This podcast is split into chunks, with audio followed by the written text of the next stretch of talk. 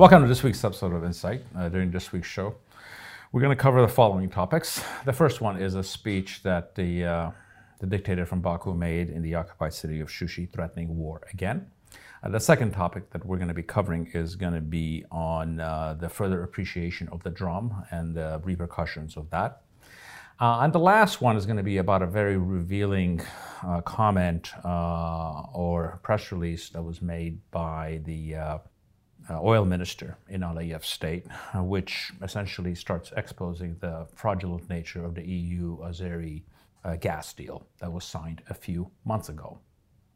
Let's move on to the first topic of the week, which is uh, Aliyev threatening war again. We seem to be doing this once every couple of weeks. Uh, and uh, his latest threats came out of a uh, speech that he made on the second anniversary of the uh, occupation of Shushi.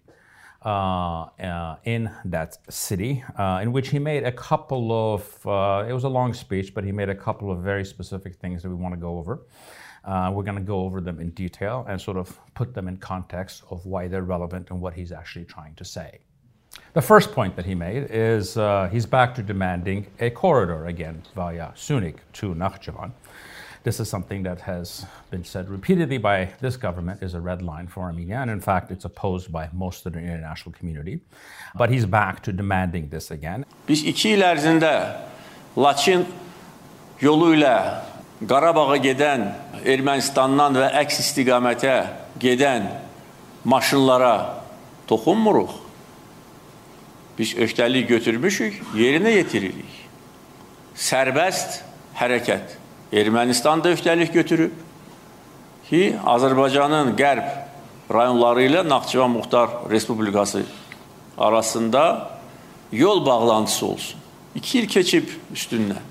Nə texniki iqtisadi əsaslandırma var, nə hansısa hərəkət var. Nə dəmir yolu, nə avtomobil yolu. Nə vaxta qədər biz gözləməliyik?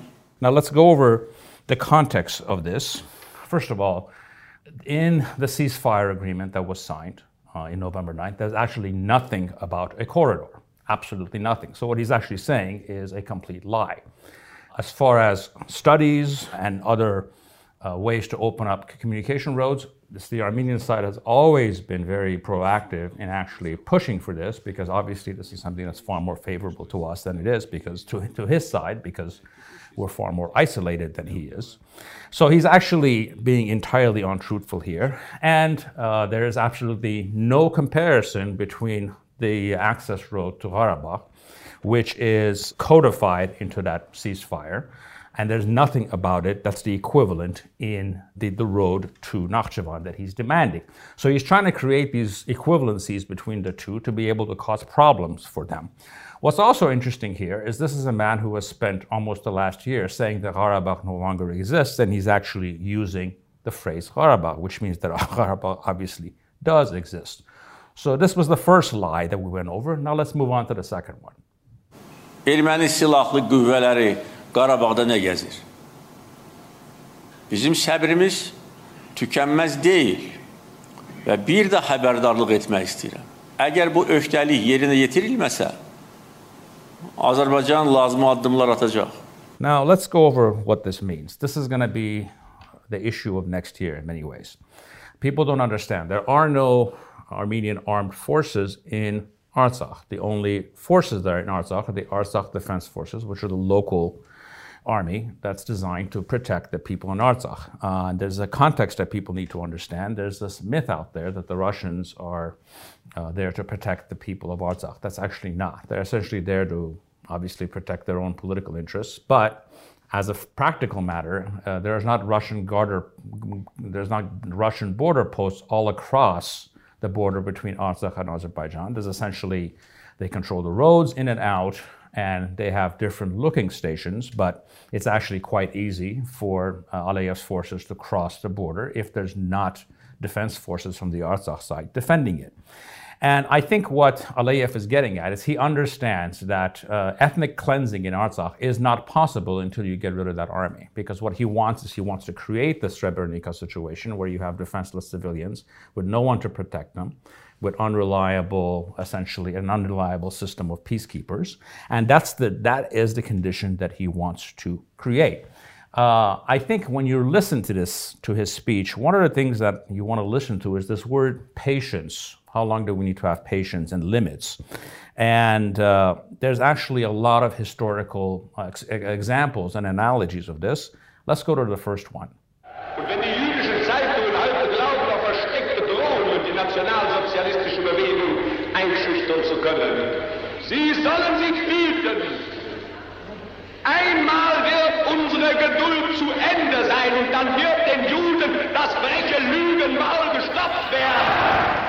That was obviously Nazi propaganda head uh, Goebbels.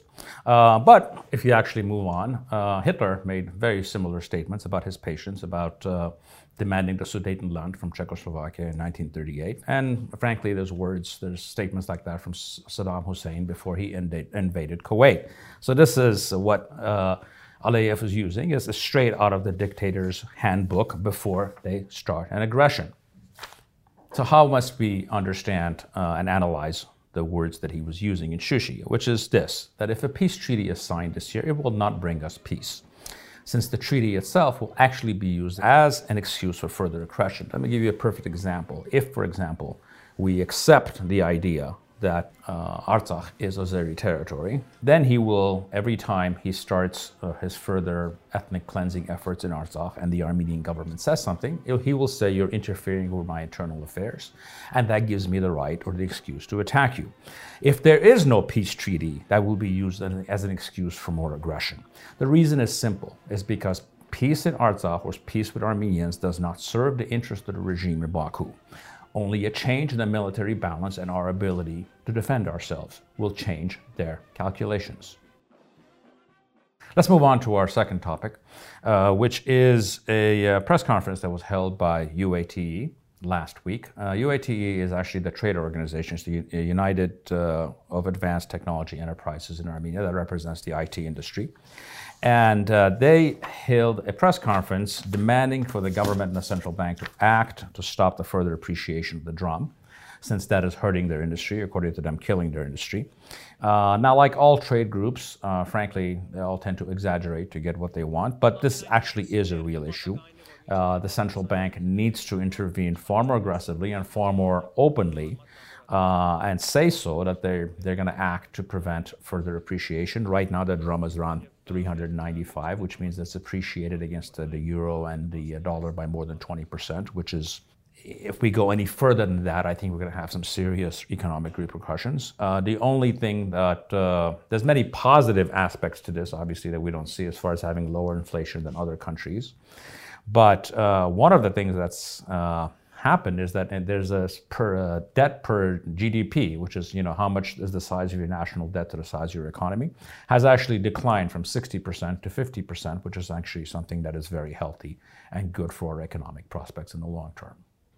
Now we're going to move on to our last topic of the week, uh, which is a very interesting uh, comments that were made by the uh, uh, Aliyev's oil minister, which has been little noted around the world, but actually they're quite relevant and important. And what he said is that in order to actually uh, bring to life the expanded uh, gas export possibility from Aliyev's country to the EU, they're going to need $40 billion in investments. Now, this announcement itself is actually uh, it's starting to be the proof of what many have been saying, which is uh, this notion that uh, Aliyev's country is any kind of an alternative to Russian gas is a myth because the gas resources are not there. Uh, let's look at what Aliyev's oil minister is demanding. He wants $40 billion investments uh, to, on a maximum basis, to be able to provide 6% of EU energy needs on, on, the, on, the, on the natural gas front. Uh, let's you look at the breakdown of this 40 billion, which is the key part. About 10 or 12 billion dollars of it would be to expand current pipelines or build much bigger ones. The other 28, 30 billion dollars would actually have to go towards looking for new natural gas resources that frankly have not been found. And this is not finding natural gas is not something that happens on a daily basis. So they're asking for massive and speculative investments uh, from private sector sources to look for gas that isn't there. Uh, as we know, uh, the private sector is not apt to spend that kind of money on something that is not solid. Uh, and the, the, the other problem with what he's proposing is even if any of this comes to pass, you're looking at six or seven years before they can even be able to export any of this, even if this gas is found, which they're not likely to have found it because uh, the way these things work is most of these areas have been explored greatly and they would have already found it if it wasn't uh, for the fact that it is not there. Uh, if you look at the, uh, the math on this, the math simply doesn't work uh, unless this is really a big scheme to launder Russian gas into Europe. And there's actually precedence for this because right now, as we speak, uh, Russian oil is being exported to, uh, to Europe via China and India, who buy from Russia on discount and then they resell it.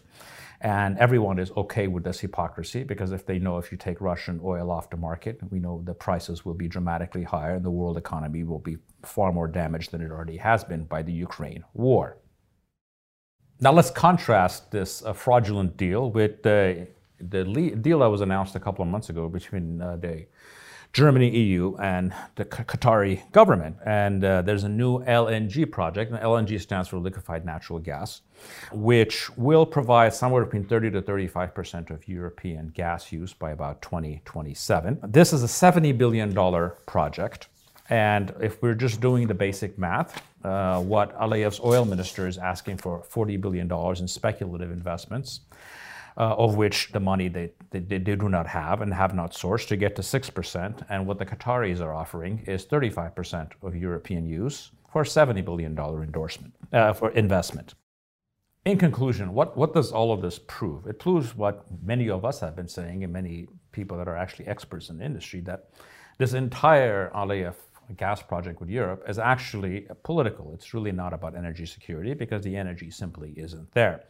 Uh, and this statement by the oil minister about the amount of investments and money that they need to make it work is actually their first admission that this isn't going to happen, or them admitting that they can't actually come through with the promise, promises that you made.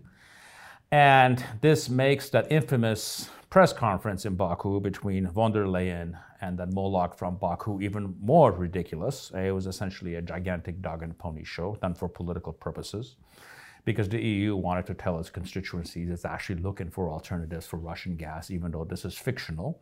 And uh, Aliyev wanted uh, essentially approval uh, for his further aggressions, and they both got what they wanted, and we're the people who paid the price for it.